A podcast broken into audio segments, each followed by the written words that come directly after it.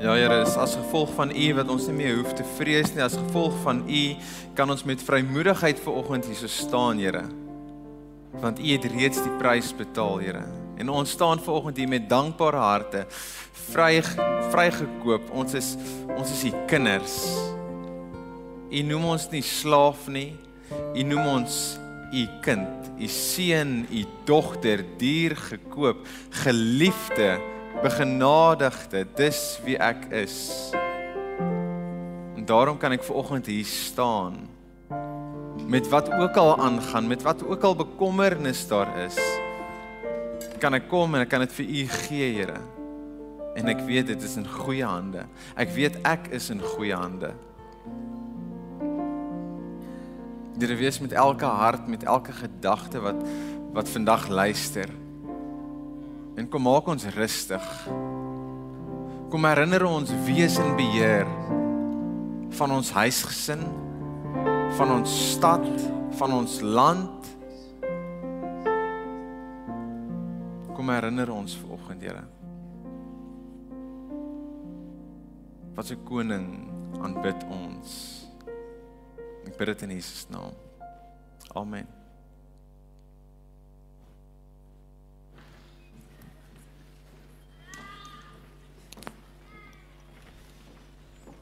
Hier's 'n doef ook hoek vir oggend, hè? Dankie pastoor.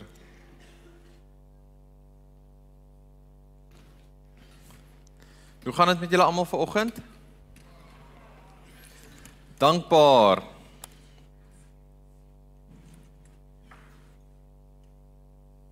Gaan goed met my ook, dankie. Kan net sê gehoor dankbaar. Ehm um, Ja, ek het 'n okay week gehad. Dit was nie te bad geweest nie.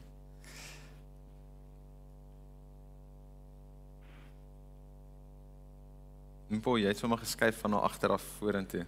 Like dit. Ek gaan volgende gedeelte saam met julle lees uh uit Lukas 19 uit. En julle kan of julle Bible apps oopmaak, julle Bybels oopmaak as julle saam wil lees. Anders kan julle julle ore spits en saam luister. Ek gaan julle 'n tydjie gee Lukas 19 vanaf vers 29 vir die van julle wat wil saam lees.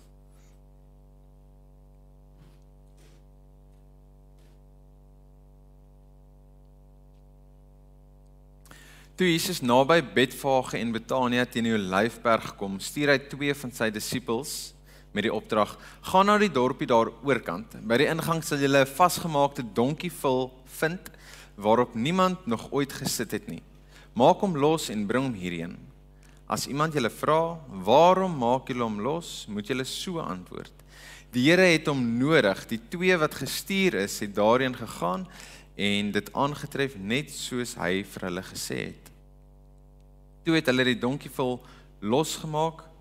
Toe toe hulle die donkie vol losmaak, vra sy eienaars vir hulle: "Waarom maak julle die donkie vol los?" Hulle het geantwoord: "Die Here het hom nodig." Hulle het toe die donkievol na Jesus toe geneem. Hulle het hulle boklere oor die donkievol gegooi en Jesus laat opklim. Soos wat hy ry, het hulle hulle boklere op die pad voor hom oopgesprei. Toe hy al naby die afdraande teen die Olyfberg gekom, het die hele skare disippels God vol vreugde hardop begin prys oor al die kragtige dade wat hulle gesien het. Hulle het uitgeroep: "Geseend is die koning, hy wat kom in die naam van die Here, vrede in die hemel en heerlikheid in die hoogste." Sommige van die fariseërs in die skare het egter vir Jesus gesê: "Meester, berisp u disippels." Maar hy het geantwoord: "Ek sê vir julle, as hulle stil bly, sal die klippe dit uitroep." Toe hy naby kom en die stad sien, het hy oor haar gehuil en gesê: "As jy maar op hierdie dag die dinge besef het, wat vir jou vrede kan bring. Maar nou is dit vir jou oë verberg. Want daar sal daar vir jou aanbreek wanneer jou vyande skanse teen jou oprig. Jou omsingel en jou van alle kante af beleer. Hulle sal hulle sal jou en jou kinders met grond gelyk maak. Hulle sal nie een klip in jou op die ander laat bly staan nie, omdat jy nie hierdie beslissende tyd toe God jou besoek het erken het nie net tot sover. Soos wat julle gehoor het, dit is Palm Sondag. Dit is lydings lydensweek. Dit is die week wat Jesus sy triomfantelike intog maak in Jerusalem.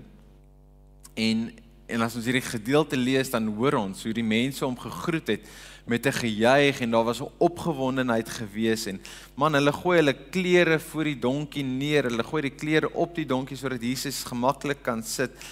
En en jy jy kan net dink wat so onrus dit moes gebring het by die fariseërs nê wat 'n ongeluk gaan aan met hierdie mense? Hoekom skree hulle so? Hoekom? Hulle gaan die Romeine heeltemal ontstel. Hulle wat gaan hier aan? En wat doen Jesus toe hulle hierdie gejuig probeer stop? Hy sê vir hulle dan sal die klippe dit uitroep. Nou dit is my nogals 'n 'n vreemde voorkoms want gewoonlik sou Jesus tipe van wegskram. Dis die eerste keer wat hy eintlik in die spotlight inloop en in die spotlight bly. Wanneer hy gewoonlike wonderwerk gedoen het, sou hy sy weg in die skare gevind het, hy sou verdwyn het. Ons dis nie ge, gewoonlik dat Jesus sê hulle moet skree nie hulle is reg. As hulle dit nie doen nie, dan gaan die klippe dit doen. Maar Jesus het besef sy tyd is nou. Dis nie nou meer mammie my tyd is dis nog nie my tyd nie. Dis nou ek besef die tyd is hier. Ek besef ek is nou op pad na die kruis toe. Nou hierdie mense was in ekstase gewees en dit is heeltemal te verstaan want hierdie is hulle hulle koning wat hulle gaan bevry van van die Romeine. Nou die die storie van Jesus het sopas sopas gebeur van Jesus wat vir Lazarus uit die dood uit opwek. So hierdie mense is is heeltemal uit hulle kop uit bly want hierdie man wek selfs dooies uit die dood uit op. Dooies uit die dood uit. Sorry, ek ek voel so bietjie van 'n vuur hier so bo. Ehm um, maar in elk geval, so so die stories het hier rond is gedoen. Hierdie man maak dooie is gesond. So hy gaan definitief my situasie kan verander. Hy gaan definitief vir my kan bevry van die Romeine. Hy gaan definitief vir my kan kos gee. Dit wat ek nodig het, gaan hy vir my kan gee. Hy gaan definitief dit kan verander.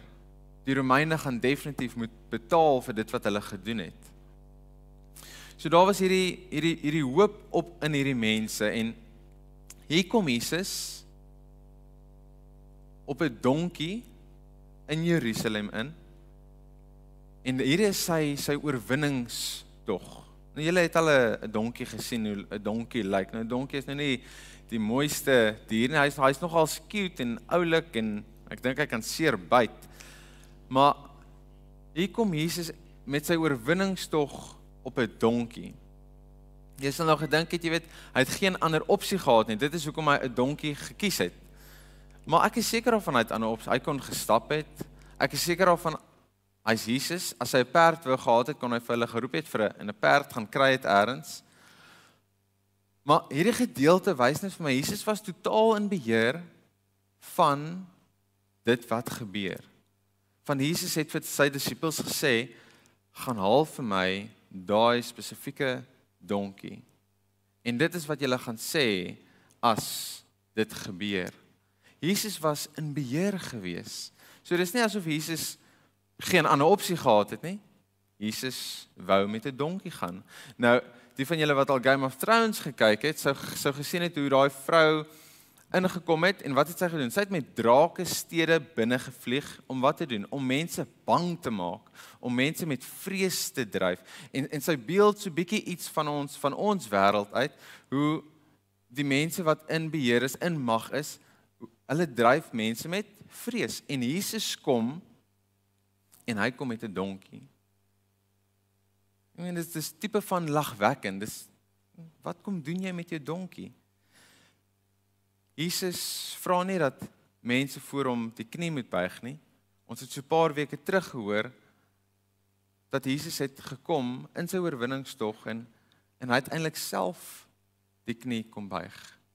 Ek meen jy sou nou verwag het dat dat Jesus dalk met 'n perd ingekom het. Dat hy die troon gaan oorneem, dat hy wys hy's in beheer, hy het die mag en Hy gaan hierdie hele koninkryk omdraai en net vir die mense wys wie hy is, maar nee, Jesus kom met 'n donkie. Jesus kom nie om om vrees op te wakker in mense nie. Jesus kom nie om te veg net sodat hy eers op 'n troon kan sit nie. Hy kom nie en hy ruk nie sy swaard en sy skild uit om om oorlog te verklaar nie. Jesus kom om vrede te bewerkstellig daar waar hy beweeg. Om vrede sigbaar te maak. Jesus kom om te herstel. Jesus kom om 'n gebroke stelsel te herstel. Jesus kom om verhoudings te herstel. Jesus kom om gesinne te herstel. Jesus kom om mense te herstel. Jesus kom om 'n verhouding met mens en God te herstel. Nou ons lees in hierdie gedeelte hoe hoe Jesus huil oor die stad. Want hulle besef nie tans wie hy is en waarvoor hy eintlik daar is nie. Jy weet hulle dink hierdie is die koning wat hulle gaan kom bevry van van die Romeine. And that's it. Hulle dink nie groter nie. Hulle dink nie aan aan die koning Hulle dink nie dat hulle bevryding nodig het van hulle sondes nie. Hulle dink nie dat hulle bevryding nodig het om vry te wees nie. Hulle dink hulle situasie, hulle omstandighede. Hy is daar om om mensdom te bevry, om 'n nuwe orde te skep, om ons verhouding met met God te herstel. En dit is soveel groter as net daai omstandighede waarin hulle self bevind het. God maak nie sy mense vry deur deur oorlog te voer nie. God maak nie sy mense vry om weerligstrale uit te roep en mense te zap links en regs nie. Dis nie wie God is nie. God stuur sy seun. God stuur vir Maria op 'n donkie om geboorte te gaan gee aan aan Jesus. Jesus wat buite in die koue gebore word. En ek is seker daarvan ek en jy was warm gebore binne 'n gebou toegevou in kombersies. Maar Jesus vereenselwig selfs met die ou wat daar buite is in die koue. Jesus wat mens is soos ek en jy. Jesus wat begrip het vir dit wat jy voel, vir daai seer, daai angs. Jesus ken dit. En dit is wie gestuur is. Dit is wie op daai donkie is om vir my en vir jou te kom verlos. En hy kom nie om oorlog te maak nie, maar hy kom om vir ons te wys hoe sy koninkryk lyk. Dit waarvan ek en jy deel kan wees van. Is dit nie 'n gerusstellende gedagte nie? Jesus ken ons. Nou ons weet dit word baie gesê, man Jesus ken jou situasie. Jesus is lief vir jou en Jesus verstaan jou. En as jy na die persoon langs jou kyk, of dit nou 'n familielid is, of dit 'n vreemdeling of dit jou kerel is, jy kan maar vir hom kyk as jy wil. Die kans dat jy al deur deur presies dieselfde omstandighede gegaan het, is baie skraal. Maar dalk is dalk dalk het jy al deur dieselfde staf gegaan. Dalk is daar dinge wat jy al dieselfde ervaar het. Dit maar hartseer is vir my verskillend as wat dit vir jou is. As ek iemand verloor, gaan ek dalk huil. As jy iemand verloor, gaan jy dalk nie huil nie want jy is nou al so gewoond daaraan. Maar my vrou vertel my van 'n storie sy en haar vriendin gesels en die vriendin is verskriklik hartseer oor haar werksomstandighede en my vrou was in presies dieselfde situasie gewees. So sy kon op daai oomblik actually vir haar gesê het ek verstaan waartoe jy gaan. Ek kan saam met jou huil want dit is nie lekker nie. Ek verstaan dit.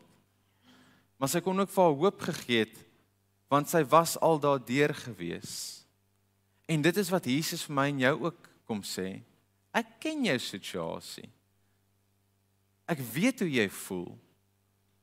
Ek was daardeur. Ek was deur erger gewees. En ek wil by jou sit, saam met jou voel, maar ek wil ook vir jou hoop gee. Want daar waar jy nou is in daai gat, in daai situasie, dit gaan beter raak. Jy gaan daar uitkom. Hy vereenselwig met elkeen van ons.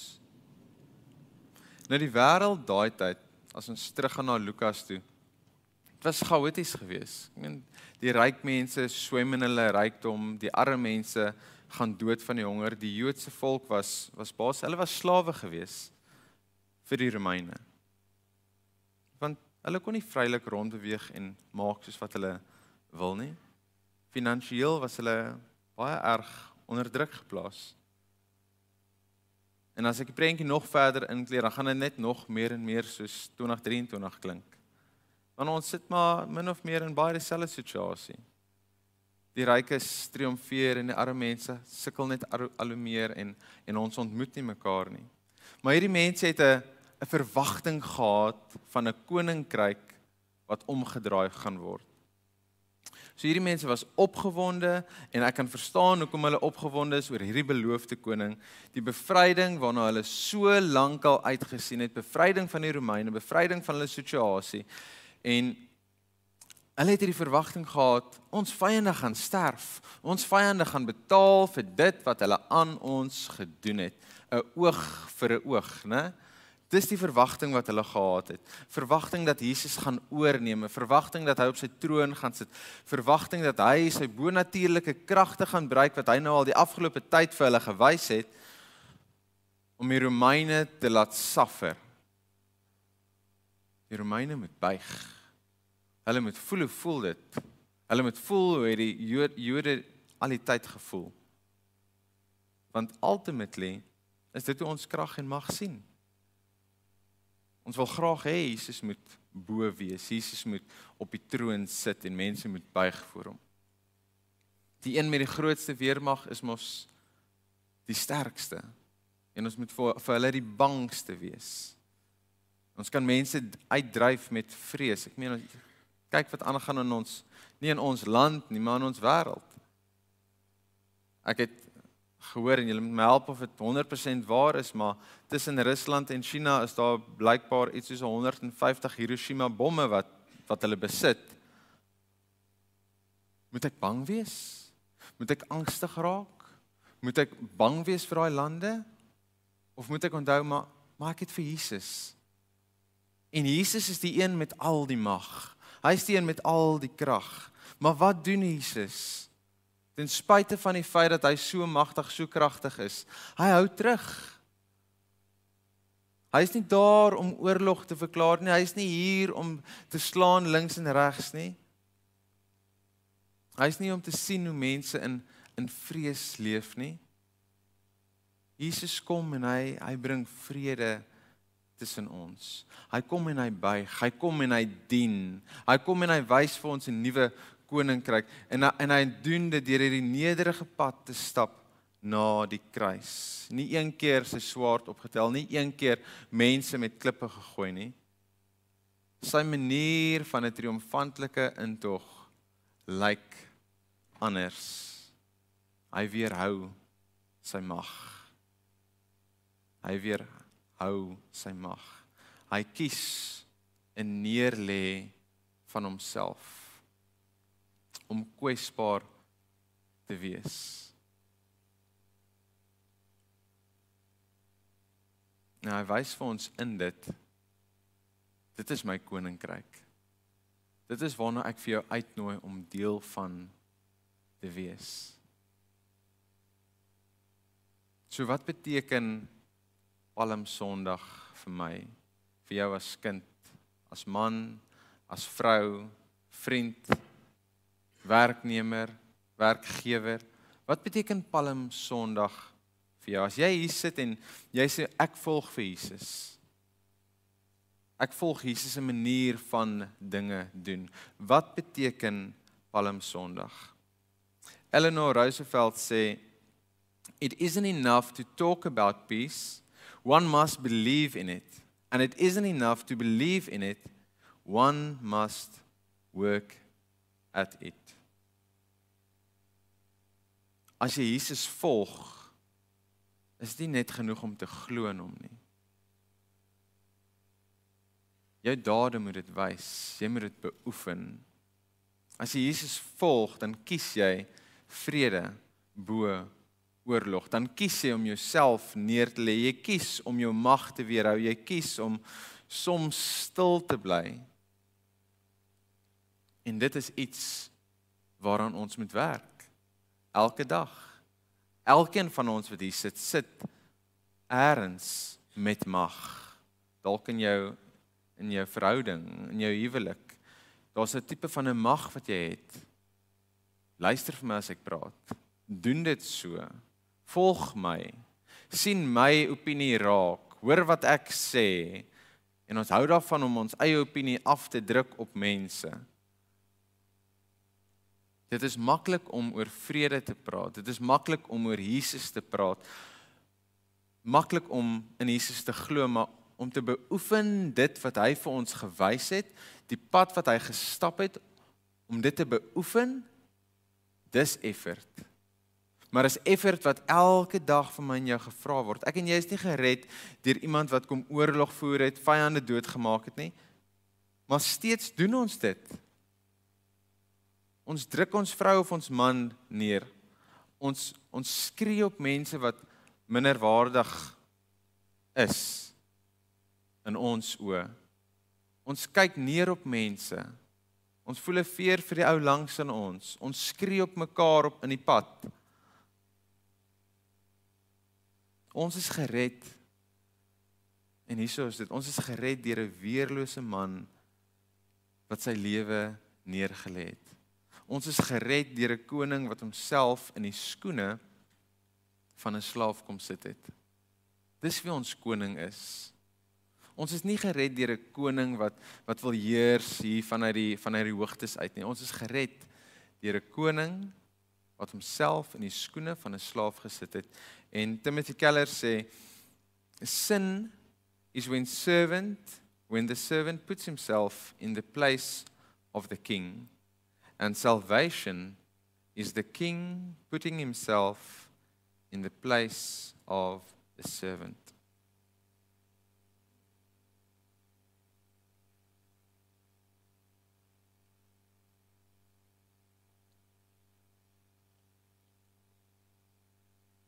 So hoekom is jy so gestres? Hoekom kan jy nie slaap nie?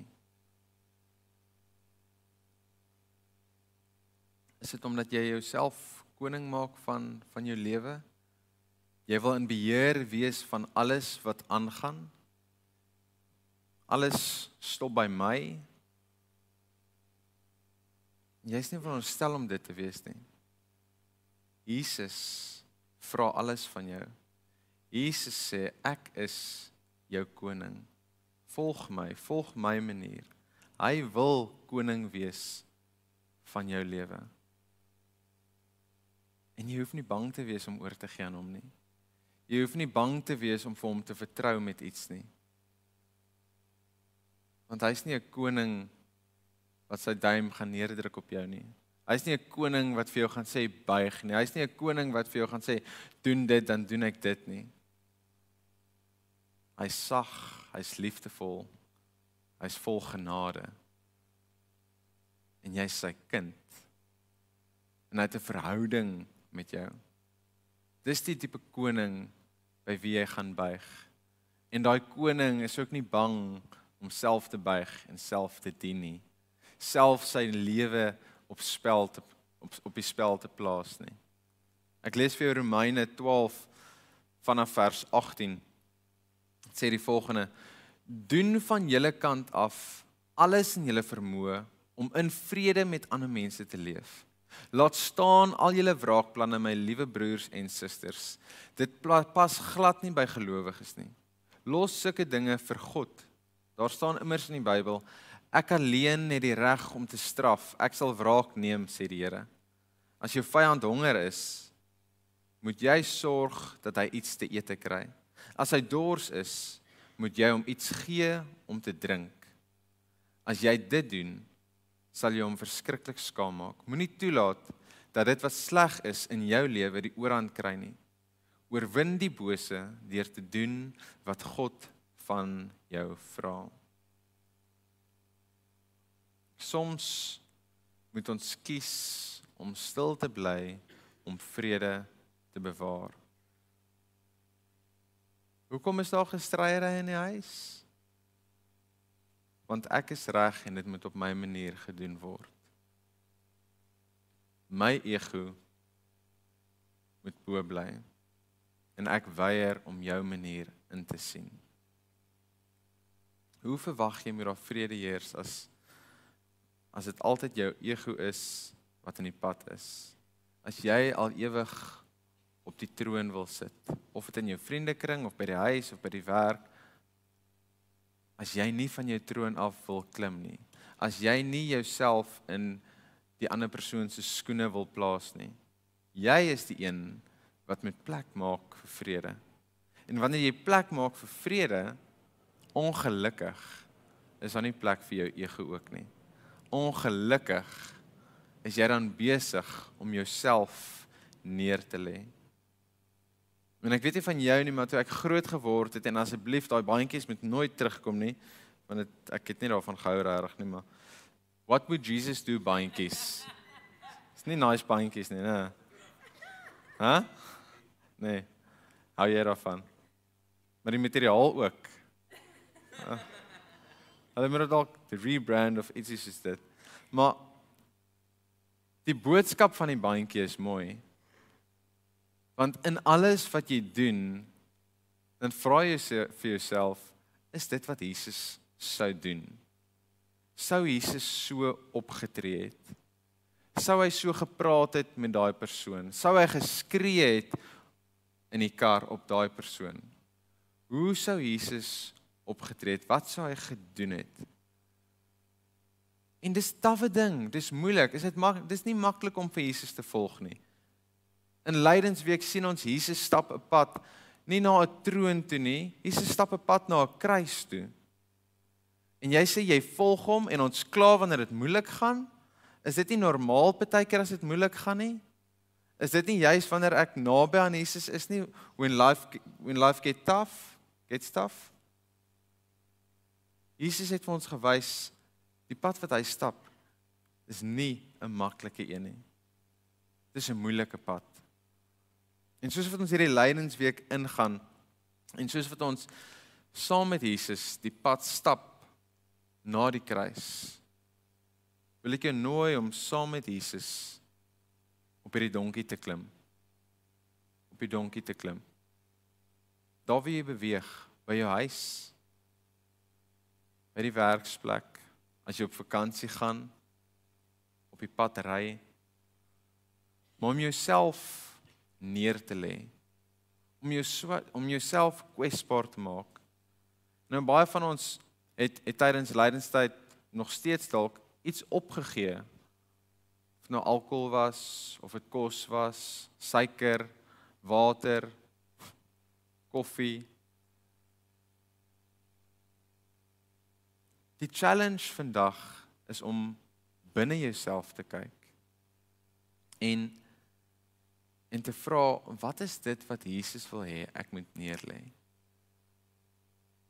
Wat is dit wat hier binne is wat jy moet neerlê? Is dit jou jou stem wat sê ek is altyd reg?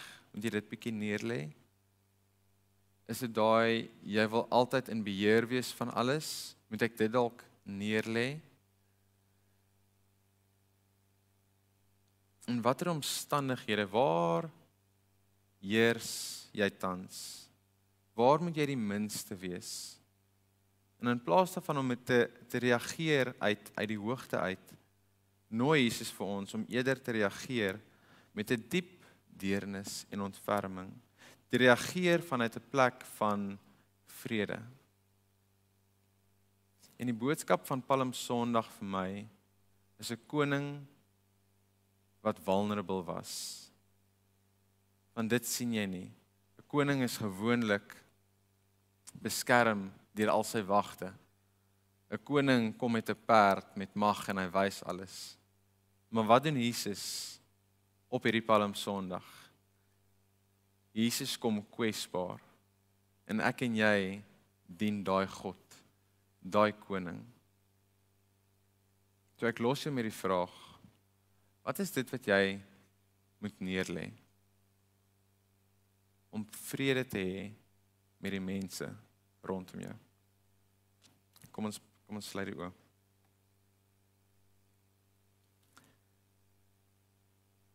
Here baie dankie vir hierdie dag.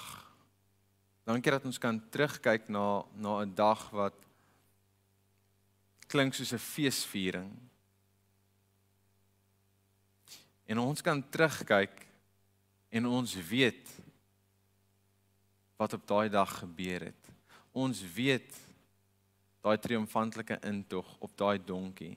Ons weet wat die nagevolge daarvan is. Ons weet wat gebeur het. Ons weet die dood is oorwin. Ons weet daar is vir ons hoop. Die dood is oorwin. Die pad voor dit not so easy. Maar dit is nie vir altyd nie. U het vir ons hoop kom wys. U het vir ons lig kom wys aan die einde van die tonnel. Here help ons om meer soos U te wees. Help ons om saam met U 'n pad te stap. Help ons om U hand vas te hou. En lei ons, Here, in ons verhoudings. Lei ons wanneer ons met mense te doen het. Lei ons om meer en meer soos U te word. daai daai sagtheid, daai liefde, daai vrede wat U uitstraal, mag dit ons deel wees. En vorm ons om meer soos U te word. Ek bid dit in Jesus naam. Amen.